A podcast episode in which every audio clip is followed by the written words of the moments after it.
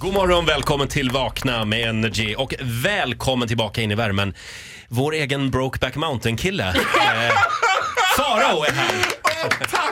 Jag kände mig själv lite som att jag hade klätt ut mig till min mamma. Så jag är väldigt glad att du Jaha. sa Brokeback Mountain och inte Inga Groth. Men ja, Nej, Eh, vadå? Det är ju en Brokeback Mountain-skjorta. ja, eller socionom. Det beror på hur Vadå, man ser det. klär din mamma sig i såna där skjortor? Det är ju jättefränt. Men mamma är väldigt frän. Ja, det kan jag tro. Farao, du har en lista med dig idag. Ja, jag har tillbringat större delen av helgen att titta på skräckfilmer och då har jag upptäckt lite saker. Mhm. Eh, d- skräckfilmer har lite samma dramaturgi som porrfilmer så att jag har gjort en lista Va? på tre saker som måste finnas i en porr- skräckfilm. Ja. Va, vadå, samma dramaturgi som porrfilm? ja, handlingen är ju inte det viktigaste utan det är att man ska bli rädd. Ja, just det. Ja. ja, det är ju Slash som med kåt. porr. Man blir rädd när man ser det. Punkt nummer ett. Det obligatoriska gänget.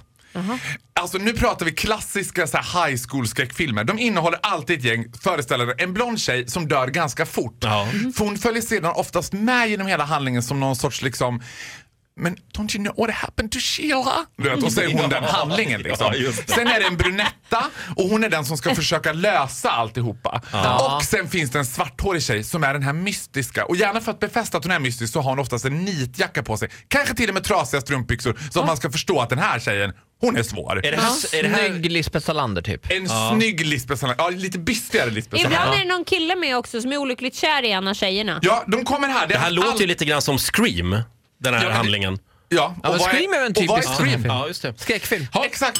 Punkt nummer två. viskningarna. Det här konstiga sättet att leverera repliken när det ska vara med lite svung så man ska förstå att nu är det på riktigt. Mhm. Och då har jag alltid tänkt så här, undrar om man kommer säga så där i verkligheten. Det brukar låta ungefär så här. But I saw her face! och då tänker jag så här, kommer jag någon gång och bara God morgon Titti!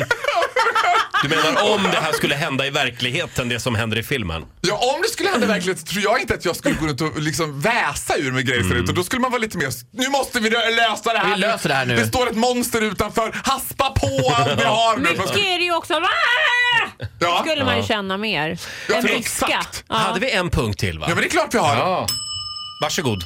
Innan liksom monstret har gett sig till känna så är det oftast att de här Monstret. de här random pojkvännerna som alltid finns i någon sorts periferin. Ja. Liksom, att de alltid smyger sig på helt plötsligt. Hon ska stänga en dörr. Ah! Åh gud! Ah sorry, did I scare you? Du vet. Och man bara, men vem gör så? Man, man smyger väl sig inte på folk och ställer sig bakom dörren och bara, ah hej, har du sett mjölken förresten? ah, åh gud! vad- vad- Why did you do that? Ja, det där gör de ju Ja. för att man ska slappna av. För då tänker man ju, ah, nu har, det redan, nu har det varit läskigt, nu kommer det inte vara läskigt på ett tag. Då, bam! Ja, exakt! Då kommer då smäller det Men det till. roliga är att de läskiga. ofta smyger sig på ganska okommenterat också. Det är inte sådär, Mm. alltså, i verkligheten om man plötsligt skulle så här, ska ta en liten mjölk ur kylen, stänger kylen och så står Titti där Ja. med ögon som råttpittar i mörkret och bara Hej! Jag bara "Ah, Titti!" Då hade inte jag, då hade jag kanske kommenterat Titti vad gör du här? Eller vad vill du? du vet. Jag hade inte bara ah, hej! Ja, du vet. Det är en punkt jag saknar på den här listan. Ja. Och det är telefonen som ringer. ja. Telefon, ja. Och det kan inte alltid vara en telefon som ringer också. Ja, det Man kan får vara en aldrig svara. bubblare. Ja, och antingen är det, det är inte någon där eller så är det någon som säger Hello. ja, usch. Men vänta nu, jag blir blandar rädd inte du nu. ihop det här med porr nu Roger? Jaha, ja, För det att de, är, kanske- väl- de ligger just- väldigt nära varandra. Ja, förlåt. Nu Hello. blandade jag ihop det. Ja, just det. Hello. ja, nej men gud, usch. Jag vill inte se såna här filmer. Jag Nej. blir så rädd. Och vi, vi har svaga hjärtan i min familj så jag kan inte se Nej, Jag skräck. hatar skräckfilm. Ja. Eh, Farao, tack så mycket för den här morgonen. Ja, men det var så lite. Du får en applåd av oss.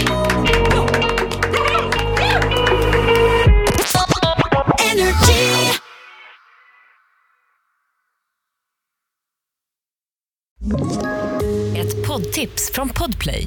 I fallen jag aldrig glömmer djupdyker Hasse Aro i arbetet bakom några av Sveriges mest uppseendeväckande brottsutredningar.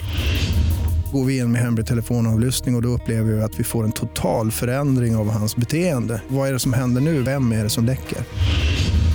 Och så säger han att jag är kriminell, jag har varit kriminell i hela mitt liv men att mörda ett barn, där går min gräns. Nya säsongen av Fallen jag aldrig glömmer på Podplay.